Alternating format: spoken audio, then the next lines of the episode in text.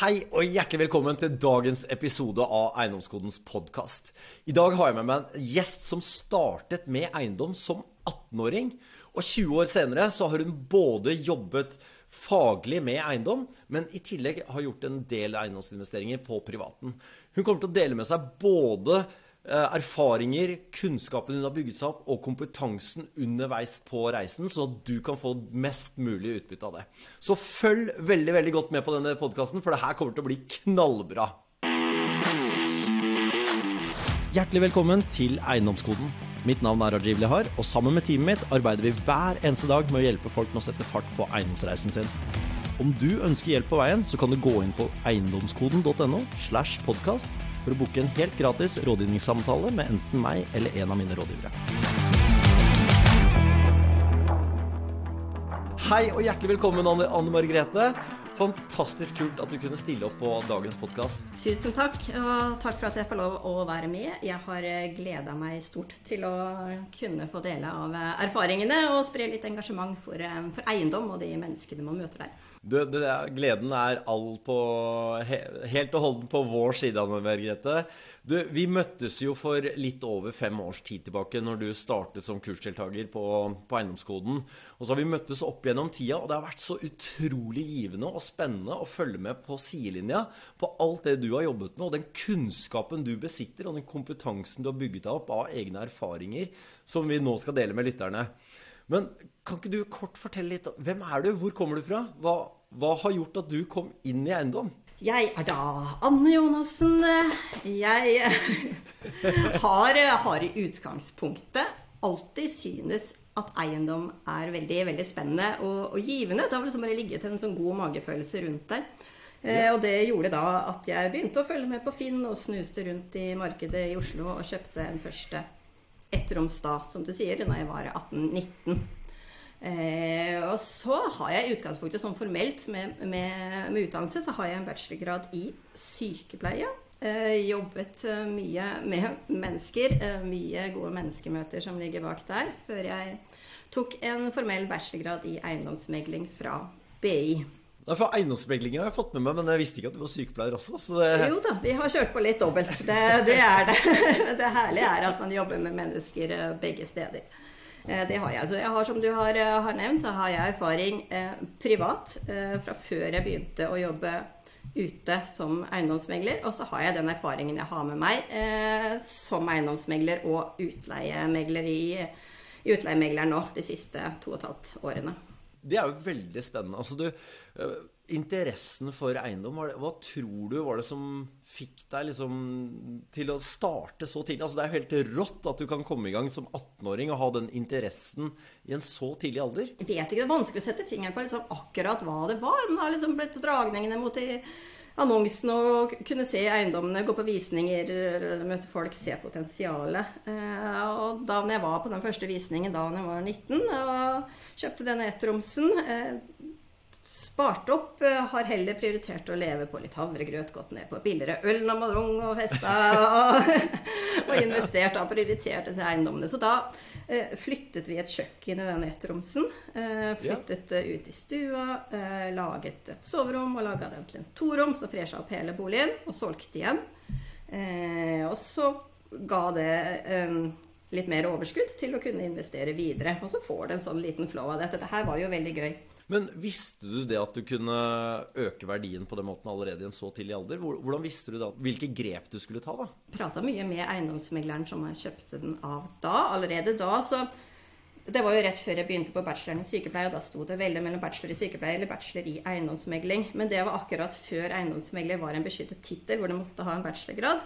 Eh, så da valgte jeg ikke å gå for eiendomsmegling eh, da, men sykepleien. Så jeg hadde liksom allerede sondert en del rundt det, og var veldig på disse meglerne tidlig da, for å hale ut hvordan yrket var, og, og informasjon. De ga deg tips om De ga meg tips om det, ja. At man kunne utvikle den da. Ja, ikke sant. Det er Jo, altså, da fikk du en pangstart. Men altså, du har jo vært kursdeltaker nå i godt over fem år og kjenner meg jo ganske greit. og det jeg har jo alltid vært veldig opptatt av det med verdiskapning, altså verdiøkning. da. Du får jo den derre Skal vi si den forserte uh, verdiskapning, eller verdiøkningen når du gjør sånne grep som du gjorde. da, At du flytter litt på kjøkkenet, får et ekstra soverom. Og, og, på den måten kan enten selge med gevinst eller sitte på den og kanskje refinansiere. Hvordan gikk reisen videre? Altså, nå ser vi på investeringsperspektivet. Nå ser vi altså. på den delen før jeg var eiendomsmegler. Eh, og da reisen etter ettromsen, den ga mersmak. Så da kjøpte jeg en treroms i samme område i Oslo. Ja. Det var oppe ved Tonsenhagen. Og den var òg litt sliten. Helt ok, men sliten, men som kunne oppgraderes med litt enklere grep uten å skulle måtte totalrenovere med, med kjøkken og bad. Ja. Eh, så da bodde jeg der litt først, og så gikk man løs på Ny Giv. Um, ja. Og pusset den opp med stue og kjøkken og gode overflater og gjorde enkle grep på, på kjøkken og bad. Uh, og så solgte den etter det. Og det som er gøy i prosessen nå, er at man skaper en verdi. Men man skaper også en verdi for dem som skal kjøpe dem og bo der. Man bygger òg et hjem for noen andre. Fremtidig, da, så skal man treffe litt i smak, og det går å, å velge litt bredt. Men man skaper et hjem og en verdi for den neste som skal bo der. Veldig, veldig godt poeng. Altså det, og det, det, er jo litt det vi ofte snakker om også i kurset, annet. Det er jo, er jo nettopp det her med at du Uansett om det er leietaker eller om det er en fremtidig kjøper, så er det jo et hjem. Det er, det er ikke bare tak over hodet, men det er, det er, et hjem. Det er den følelsen av et hjem man ønsker å skape. Um, men så har du jo vanvittig erfaring fra både utleie, altså korttidsutleie, langtidsutleie, du har, eh, du har, gjort en del selv. Og så mm. har, du satt, har, du satt, ut noen jobber også, eller er det som regel du som tar tak i hammeren og, og går løs på prosjektene? Nei, har det vært større prosjekter, så har man satt ut. Og da gjelder det å mm. finne gode samarbeidspartnere, som òg igjen blir en, en, god verdi. Eh, det gjør det. Eh, så litt malingsjobber og gulvlegging og sånn har jeg gjort selv når man har hatt muligheter til det. eller så har man satt bort disse jobbene. Og også for å få fortgang i, i prosjektene, i hvert fall hvis det er rene flipper at de skal ut igjen. Men her bodde jeg da, i disse to første leilighetene så bodde jeg jo selv, så da holdt man litt på underveis. Så etter ja. det så kjøpte jeg et um, ganske nytt rekkehus i Nittedal på Skytta. Og da utviklet vi en loftetasje som bare var bod, eller var bare loft, så vi laget en hems opp. Og så ja. kjøpte en fireromsleilighet i, i, Oslo, i Nydalen. Og det var liksom akkurat idet Nydalen fikk det store spranget sitt med den siste liksom, touchen på utbygging og kinoen og og det nye byggene der, så kom inn veldig rett tid der. Eh, så da kjøpte denne prosjektert. Eh, og da går man jo inn med lite kapital, og så fikk den en, en, en flow i det markedet steg før den var ferdig et og et halvt år senere. Og da var jeg student på BI, så da leide jeg da ut to rom. Det var en fireroms, eller jeg hadde tre soverom da. Så leide jeg ut to rom. Så det var det en veldig god studentbolig sånn sett, da, for da bodde man jo veldig bra. Og så fikk man disse leieinntektene. Mm. Ja, ikke sant. Og det å kunne bo rimeligere, da, eh, samtidig som man eh, har et tak over hodet også, det er jo kjempesmart. Og da, altså, da hadde du jo allerede skal vi si, Du fikk ballen til å rulle ganske tidlig? Man fikk ballen til å rulle. Altså startet, startet med veldig lite, så det er mulig å kunne spare seg opp og bare komme inn i markedet. Og så er det så mange små grep man kan gjøre hvis du bare går inn med litt iver og giv. Og så ja, skaper det verdi ja, på flere fronter. Mm. Hva har vært målsetningen din med dine eiendomsinvesteringer og, og det, det, du har gjort? Altså, hva har du ønsket å skape?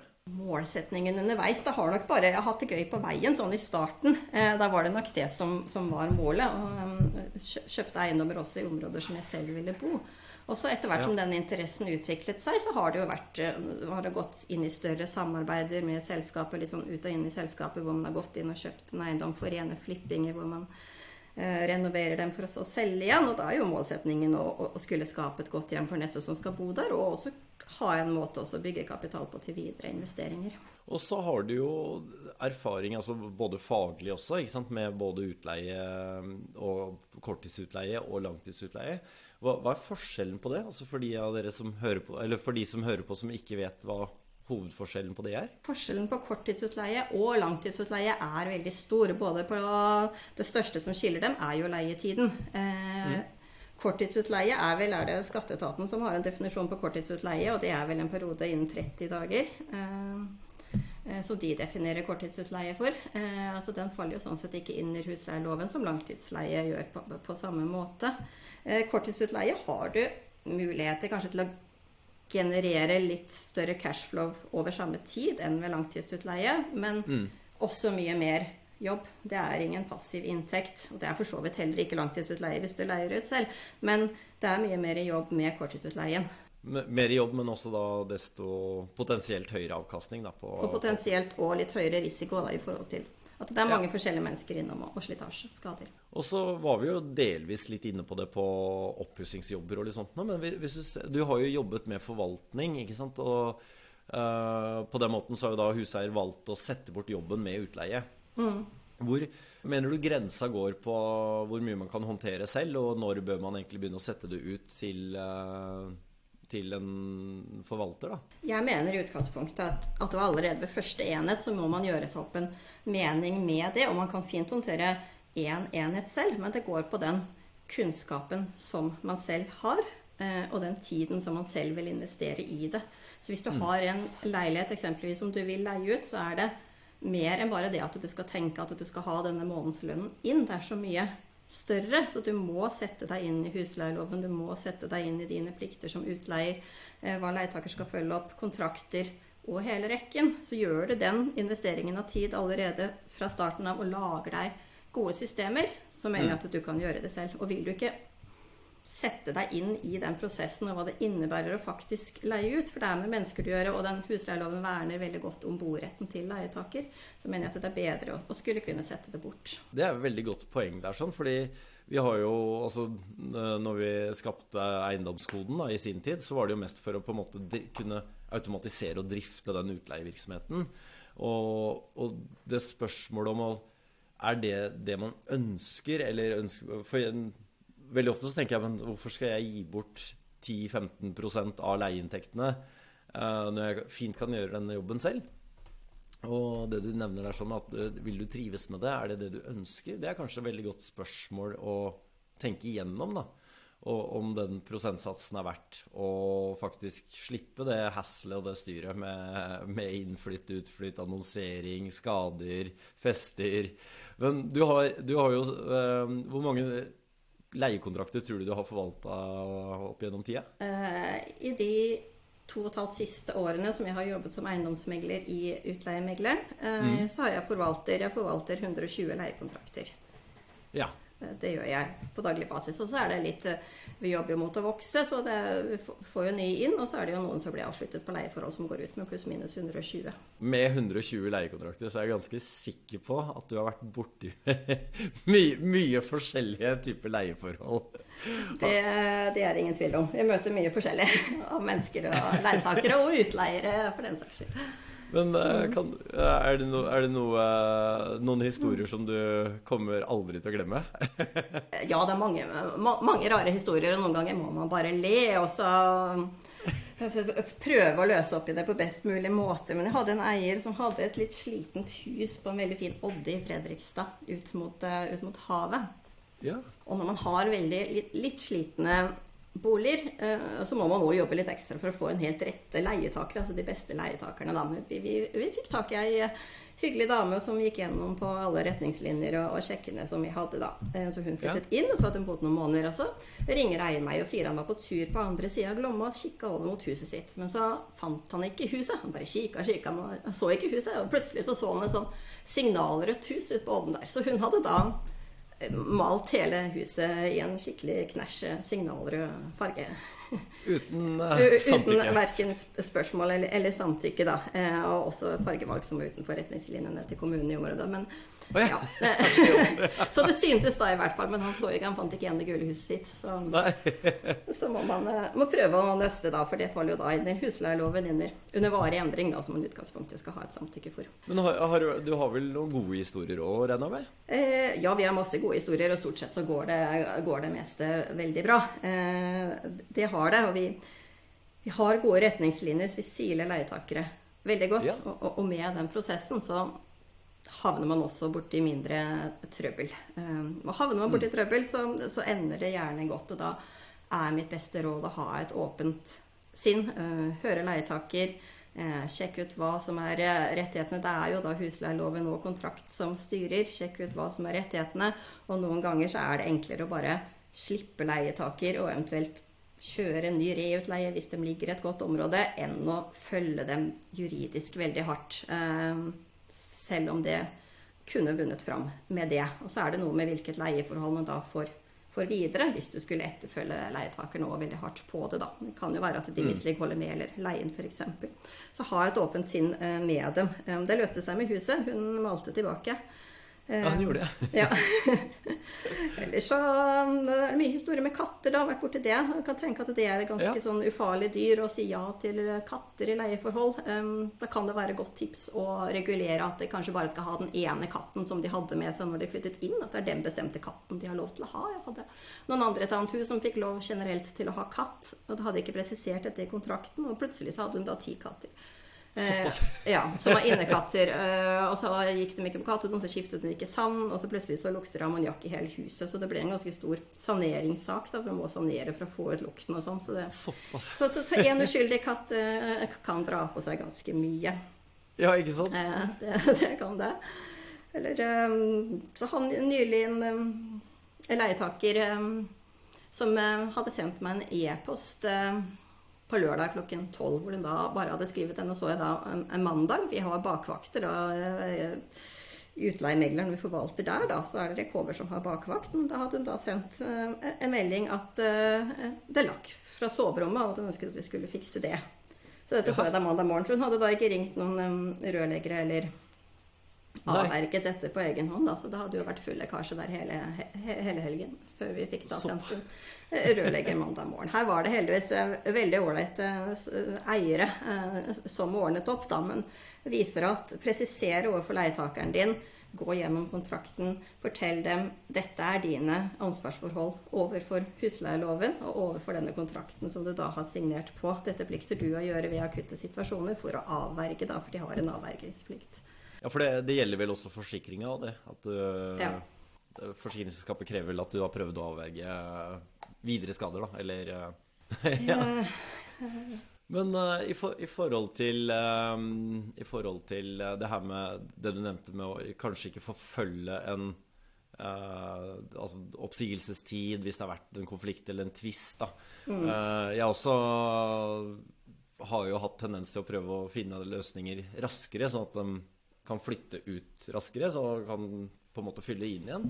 Og Jeg tenker jo som så at vi, hvis man er tvunget til å bo et sted, og du føler at det er både bortkasta penger og tid, og du ikke vil være der likevel, så er jo også kanskje sannsynligheten for at du gidder å ta vare på noe de siste måneden eller to, veldig lavere.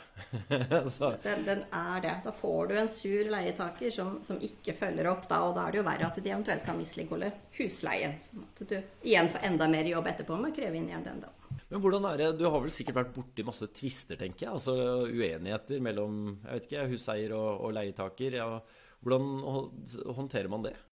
blir en mellommann her mellom leietaker og utleier. eh, Og det er ofte små og store uenigheter. Og da er det mitt beste råd å tenke at du jobber med mennesker. Eiendom er mennesker. I, eh, Prøv å forstå dem. Prøv å se deres eh, situasjon.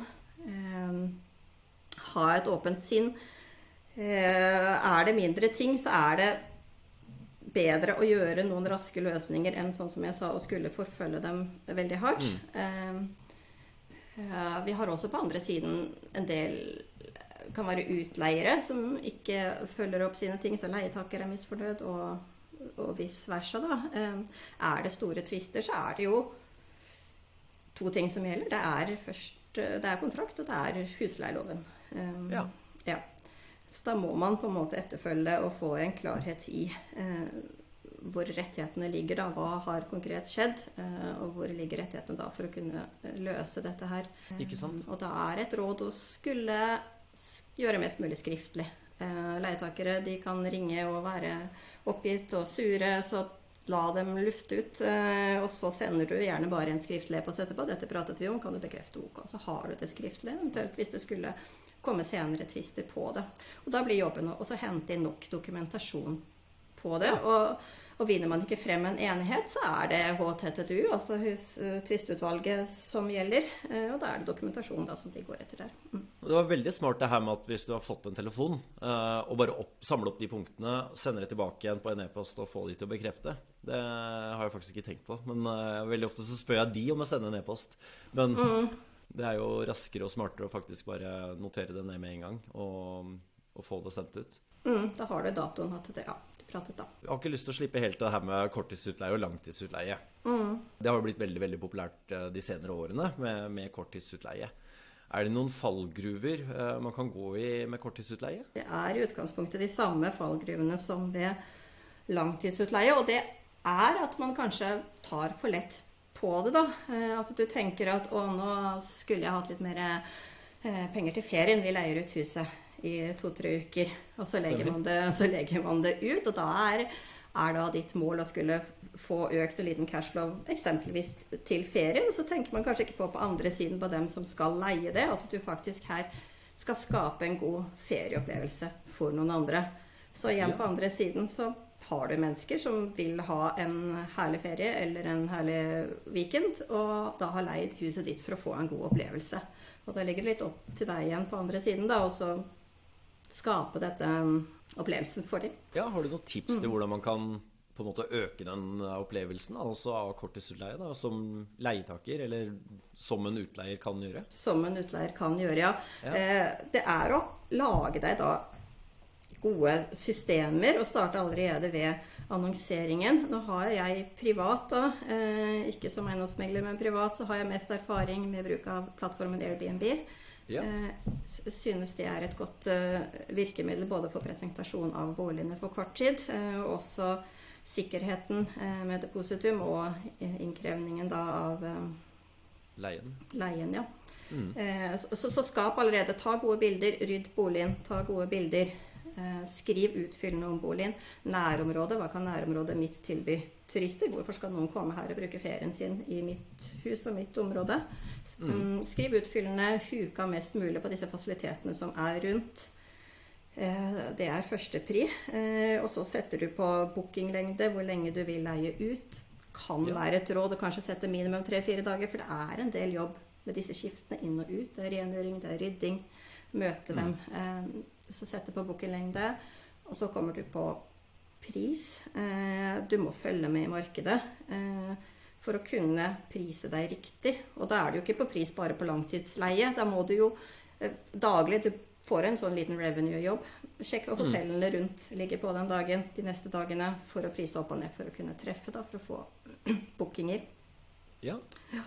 Eh, og så får du henvendelser inn, og så er det et godt tips da å sile de veldig hardt. Det er veldig veldig mange jeg har sagt nei til å leie eh, på kort tid. Vil gjerne at de har erfaringer fra å leie det gjennom Airbnb eller andre plattformer tidligere, og at de har referanser. Spør dem, tør å spørre dem. Hvorfor skal du hit? Hva skal du gjøre? Hvor mange er dere? Um, og prøv å finne noen gjester som også matcher nabolaget ditt, sånn at du ikke tenker på deg naboene dine de ukene du leier ut.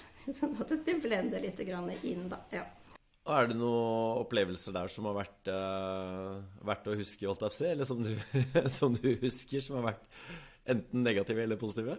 stort sett i det hele så har jeg hatt positive opplevelser med korttidsutleie. Men du får mye henvendelser, og du må være veldig tilgjengelig og på da når du leier ut. Jeg leide ut, eh, hadde et nybygd funkishus på Røros som vi leide ut i to års tid på, kun på Airbnb.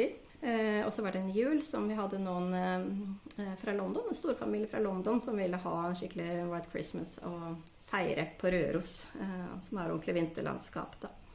Eh, så viste det seg at disse var litt kravstore. For det huset var eh, godt utstyrt, eh, full standard. Men de sendte da meldinger hele lille julaften kveld at de ville ha økt servis, og de ville bytte kjele, for kjelen var litt dårlig. De ville ha en ekstra lamper. Ja, de hadde en litt spesiell julemeny, så de ville ha ekstra kjøkkenredskaper som man knapt bruker selv. da, Så man blir liksom flyvende litt. Så vil man jo gjerne kunne please dem og strekke seg så langt man kan. Så den lille julaften den gikk til å finne utstyr til disse leietakerne.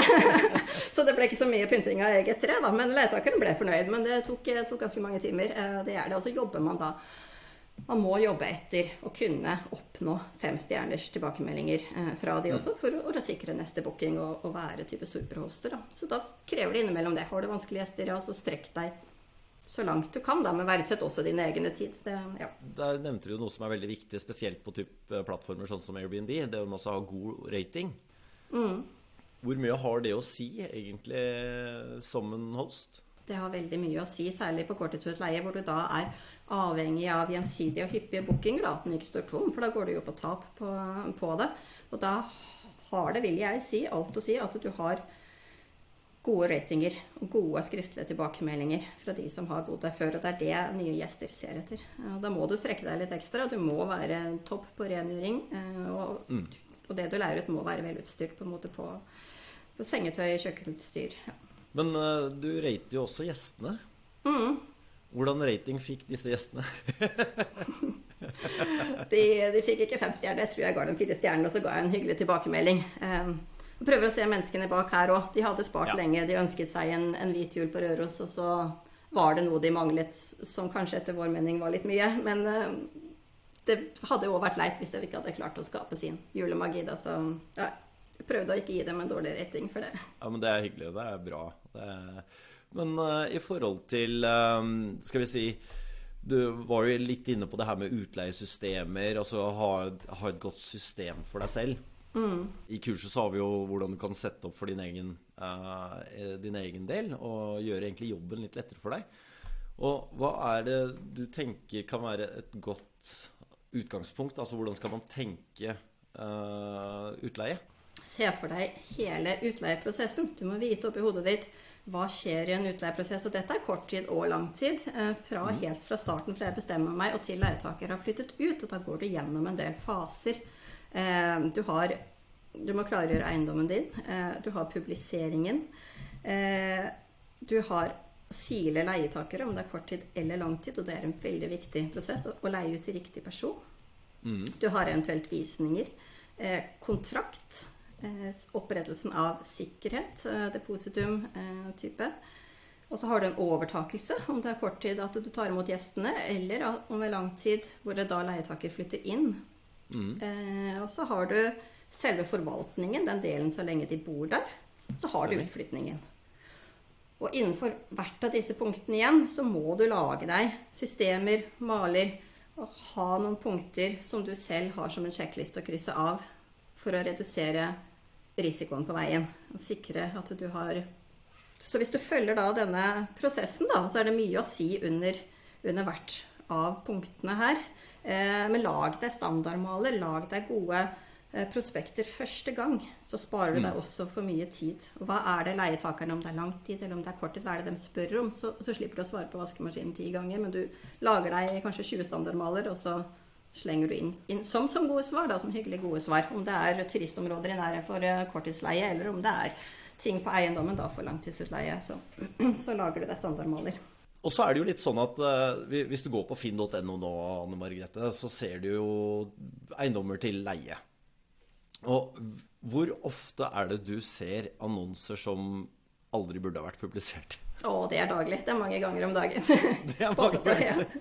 Og det er litt godt. Jeg kan godt kose meg på fredag kveld jeg med å være inne på Finn og, og kikke, og så, er, og så ser man veldig mye rart. Og så får man seg en bra latter. Men ja, det er mange som bare tar mørke bilder. Du har dolokk oppe, du har eh, ja, eh, mye som ikke skulle stått fremme. Du har senger som ikke er redd, og du har uryddige kjøkkenbenker, og så bare raser de over med bilder, og så skriver de en leiepris sånn cirka, og så at den er ledig til leie, da.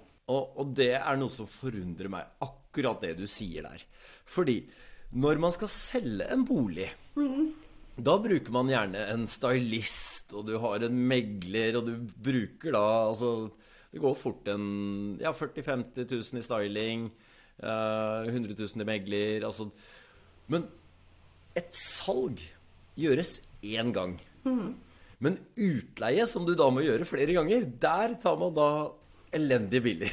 Det er helt riktig, og det er, eh, det er rart. Og man må jobbe litt da for å Ja. eh, forklare denne verdien da, med å, med å få inn en fotograf også ved utleie. og Gjøre det veldig godt den, den ene gangen. Og da tiltrekker du deg også helt mer riktige leietakere, da, som igjen skaper en verdi. Og du kan trekke litt mer i leien, kanskje, og når du presenterer det godt. da.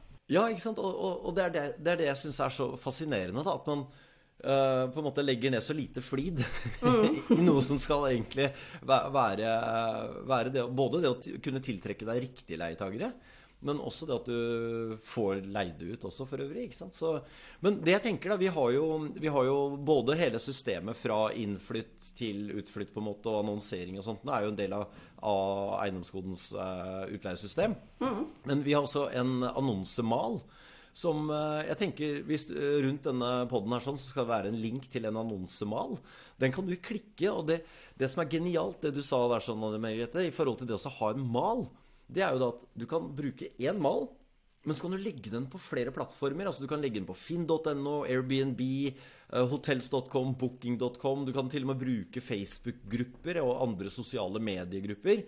Og så legge den annonsen der sånn. Så ved å gjøre jobben ordentlig én gang, så kan du få gjenbrukt den på så mange områder, og samtidig kunne tiltrekke deg enda flere potensielle leietagere. Så bruk den malen, last den ned, eh, og gå gjerne, hvis du allerede leier ut noe, gå gjerne annonsen din som du har ute, eller har hatt ute, og se på de punktene som er i den annonsemalen, og, og bruk det som et verktøy eh, til å gjøre utleievirksomheten enda bedre. Ja, Det er kjempeviktig. Også hvis du skal ha muligheten til å kunne jobbe, så må du ha gode verktøy. Allerede, nei, til å kunne vokse. Så må du ha gode verktøy allerede fra starten av. da. Veldig veldig godt poeng. altså Det her med skalerbarheten. ikke sant? Mm. Du hadde ikke klart å forvalte 120 leiekontrakter hadde du ikke hatt et system rundt deg som ivaretar mye av det skal vi si, tidkrevende, eller uh, at du ikke har prosesser på plass og ikke vet hva du skal gjøre når en ting oppstår. da. Åh, nå, traf, nå kjente du kanskje at du traff et punkt der. sånn. Men i, i, forhold til uh, din egen reise, altså du, du, Hva ønsker du å skape for din del? Altså, hvorfor driver du uh, har hatt utleie osv.? Hva, hva er det som har trigga deg med, med den biten? Hvorfor jeg hatt da på denne private delen, det er jo en, det er en sånn brennende interesse, og den går jo både på den delen jeg har formelt i den jobben min som eiendomsmegler, men også det jeg har gjort privat. Og da har jeg jo størst jobbet med dette før jeg begynte som, som eiendomsmegler. Og det, det, som trigger meg, er nok menneskemøtene. Eh, jeg har med meg mye med det fra sykepleien også. Eh, mennesker for meg, de skaper energi. Det å kunne komme litt, bli litt bedre kjent med dem Hvorfor skal den bo i denne eiendommen? Hvorfor har den bodd her? Eh, du møter så mye historier bak eh, når du tørser å blande mennesker og eiendom. Så det er en veldig drivkraft for meg. Det har vært det både privat og også nå jobben som, som eiendomsmegler. Og så er det sånn på den private delen, da, så har det vært det at man tidligere da har kunnet styre sin egen dag når man har gått inn i sånne typer flipper og sånn, så man, er man veldig selvstyrt uh, med det mm. prosjektet som man driver på. da. Så det gir også motivasjon å kunne klare å skape. Og så er det jo uh, litt sånn som det her med, som du nevnte, i forhold til det med kreativitet. Mm. Jeg tror du er en veldig kreativ person. Uh, jeg har kjent deg en god stund. Og det Trigger det deg? Ja, det gjør det. Jeg syns det er helt herlig å kunne tenke litt annerledes og, og gjøre litt annerledes ting. Det, livet er ja. ikke helt A4, og så er det ofte ikke så veldig mye som skal til heller, da, for å kunne gå en litt annen vei eller gjøre noe litt annet da innen, innen eiendom her. Mm. Og så nevnte du også litt i stad, nå, eh, nå, hopper vi litt fram og tilbake mm. her.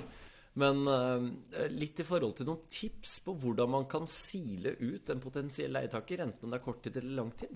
Da vil jeg nok gi deg to sånne basistips å gå etter først, da, før du liksom går på litt mer personlig plan på dem. Og den ene er kredittsjekken. Eh, som privatperson, hvis du er privat utleier, eh, så kan du, har du ikke noe verktøy for å kredittsjekke dem, men du kan be dem kredittsjekke seg selv. Ja. Eh, det har du mulighet til. Så du kan be dem kredittsjekke seg, og også at du viser dem da kredittsjekken, for da gir dem deg et samtykke til det. Eh, det er veldig mange som dessverre faller ut på betalingsanmerkninger på kredittsjekk på leiemarkedet. Og det er en, man har mennesker og skjebner og personligheter bak her, men det er en del som gjør at de da ikke har fått lån og, og kan eksempelvis kjøpe. Ja, det er grunnen til at de er på leiemarkedet? At de ja, ikke mm.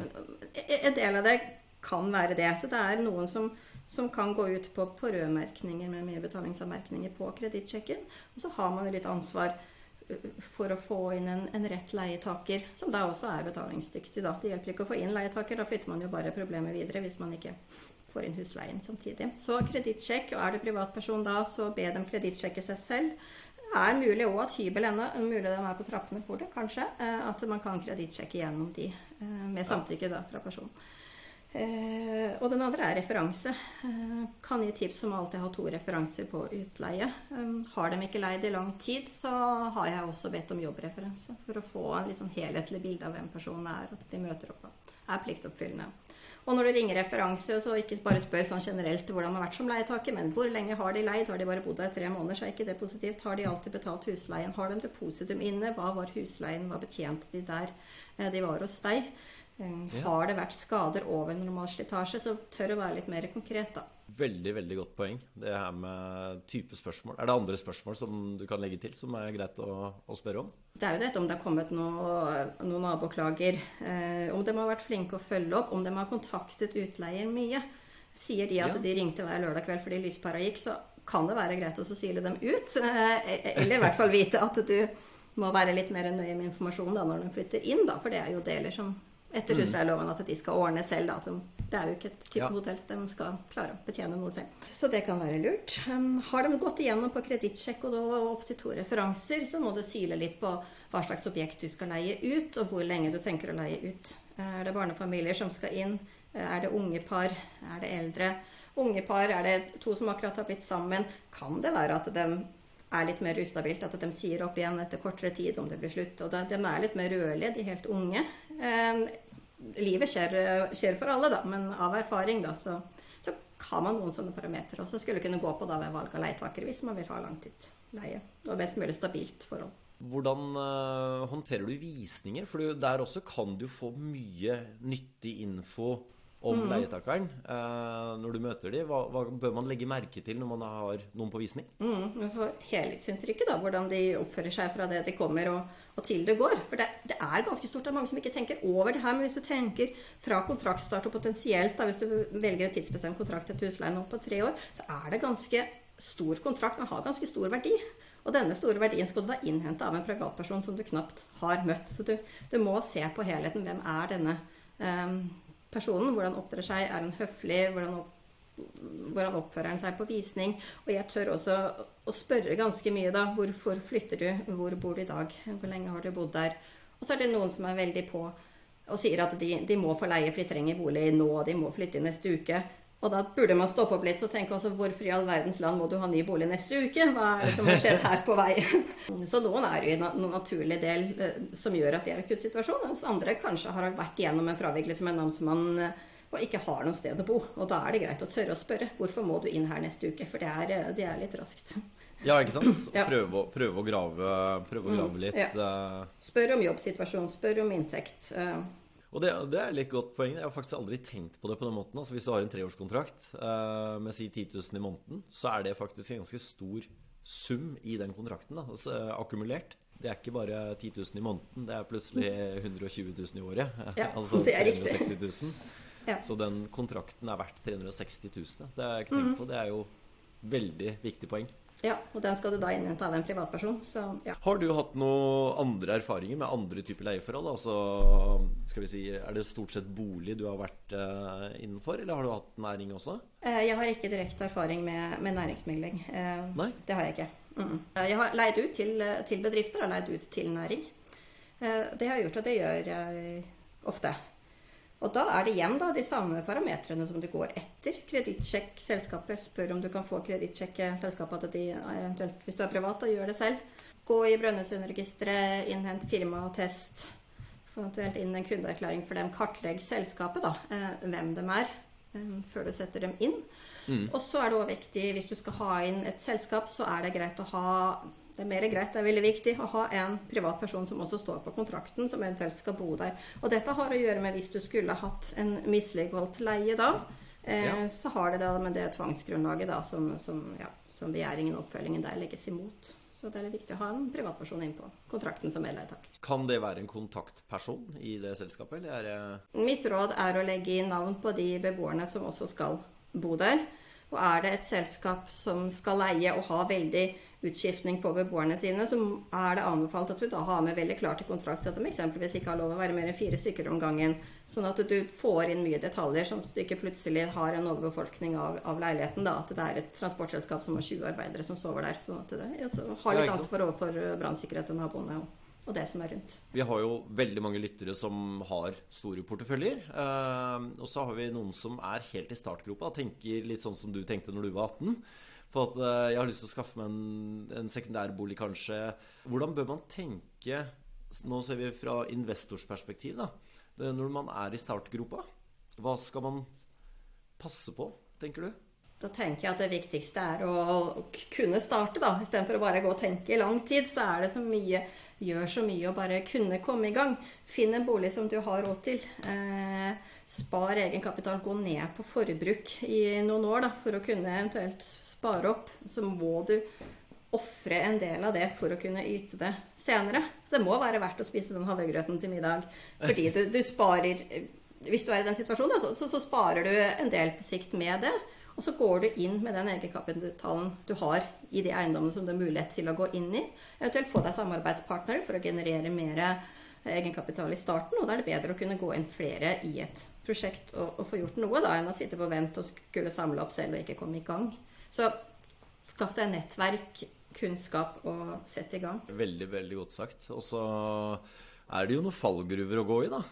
Ikke sant? Det er jo litt uh, hvilken type strategi man velger. Altså Skal det være korttidsutleie f.eks. eller langtidsutleie, så er det jo fallgruver der òg. Og, og, med den bakgrunnen du har, da, med både erfaring fra både det og flipping, mm. så for, danner du jo et helhetsinntrykk ikke sant, av, av en eiendomsinvestering.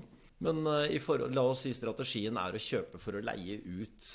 Uh, mm. hvor, hvor i landet bør man gjøre det? Da vil jeg nok gå inn i en av de større byene eller i en by for å også kunne sikre tilgang på leietakere. Ja. Eh, kjøper du veldig i utkanten, og selv om det er utkanten av en stor by, så, så begrenser det. Det er stor forskjell f.eks. For i, i Moss sentrum og i Spydeberg, da. For da må du finne noen som i tillegg vil bo i Spydeberg, som vil bo Altså nå, Spydeberg er et veldig flott sted, men det er begrenset med antall innbyggere.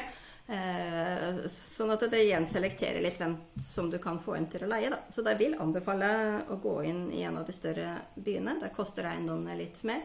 Men du kan også igjen få inn høyere leie. Det er eh, mindre risiko for at den blir stående tom mellom leietakerne.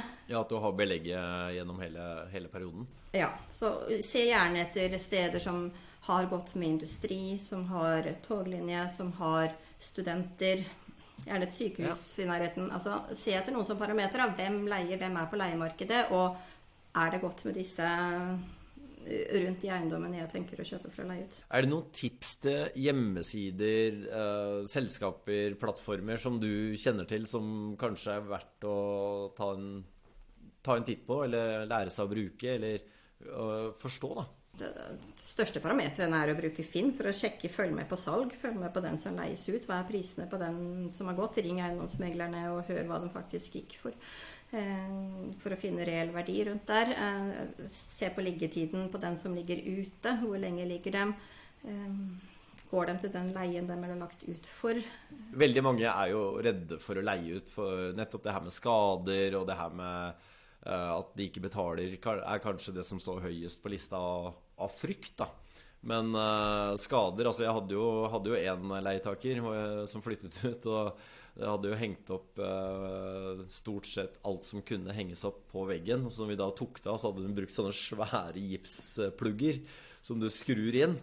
så det så jo ut som du hadde vært inne i leiligheten der med en mitraljøse og, og, og flydd rundt. Men mye av det fikk jeg jo dekket av, av forsikring og sånt. Men, mm. Men i forhold til de som har kanskje den lille frykten da, på fallgruvene i det her, hvordan kan man sikre seg mot det? Uh, altså, du har jo kontrakten, så klart. Du har forsikring. Men uh, er det andre ting som, andre verktøy som du har brukt? Uh, eller ja, kommunikasjon, for den saks skyld? Vi kan ta dette med overtakelsen. Overtakelsen er kjempeviktig. og jeg setter alltid av god tid til overtakelse, for det er så mye mer enn at leietaker skal få nøkkelen. Eh, ja. Ved overtakelse, da for å redusere denne risikoen for skader, og da snakker vi om skader over normal slitasje. Eh, for normal slitasje skal det ligge innedekt i leien. Eh, men ved overtakelse så anbefaler jeg at du utarbeider en tilstandsrapport eller en, en protokoll ved overtakelsen på tilstanden, ja. overfladisk tilstand. Og da gå gjennom rom, rom for rom Se på gulvet, se på veggene. Fast invitar, dørkarmer. Og skriv ned de store tingene. Uh, hvis man går kjempegrunnet til verk, så kan dette bli altfor mye. Uh, men det er de store tingene du er ute etter, og de tingene som eventuelt man kan kreve dekket uh, ved et leieforholdet sin slutt. Eh, er det store riper i parketten, hvor mange, eh, hvor mange store skruer er det i veggene fra før? Og ta bilder. Eh, så da er det dette bildene og denne teksten som senere blir dokumentasjonen. Printe ut, hvis du ikke har noe elektronisk verktøy å kunne sende via Digipost eller noe sånt som privatperson, printe ut og få leietaker til å signere på det. Altså Her var vi ved overtakelsen. Jeg har signert på at gulvet bare hadde to riper og tre skruer i veggen. Det er min signatur.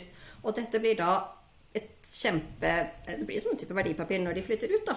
For har du ja, da 30 riper på samme rom og 20 hull i veggen. Nå er jo dette, Det blir jo på en måte et ytterpunkt i andre siden, men, men da ja, ja, ja. Og leietaker ikke skulle samtykke, for samtykker leietaker, så er det jo aldri noe problem. Da har du mulighet til å ta kravet i depositum.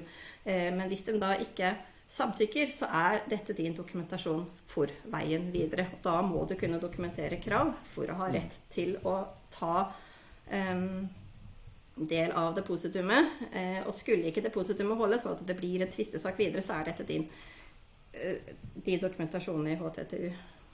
Ja, ikke sant? Så, ja. Så disse bildene og denne teksten er kjempeviktig. Jeg kan bruke opptil 1 12 time på en overtakelse med leietaker for å dokumentere boligen og bli enige om ting. Vis de også stoppekran, eh, sikringsskap. Og så skriver jeg ned at leietaker har blitt vist stoppekran. Eh, ja. Og så signerer de på det.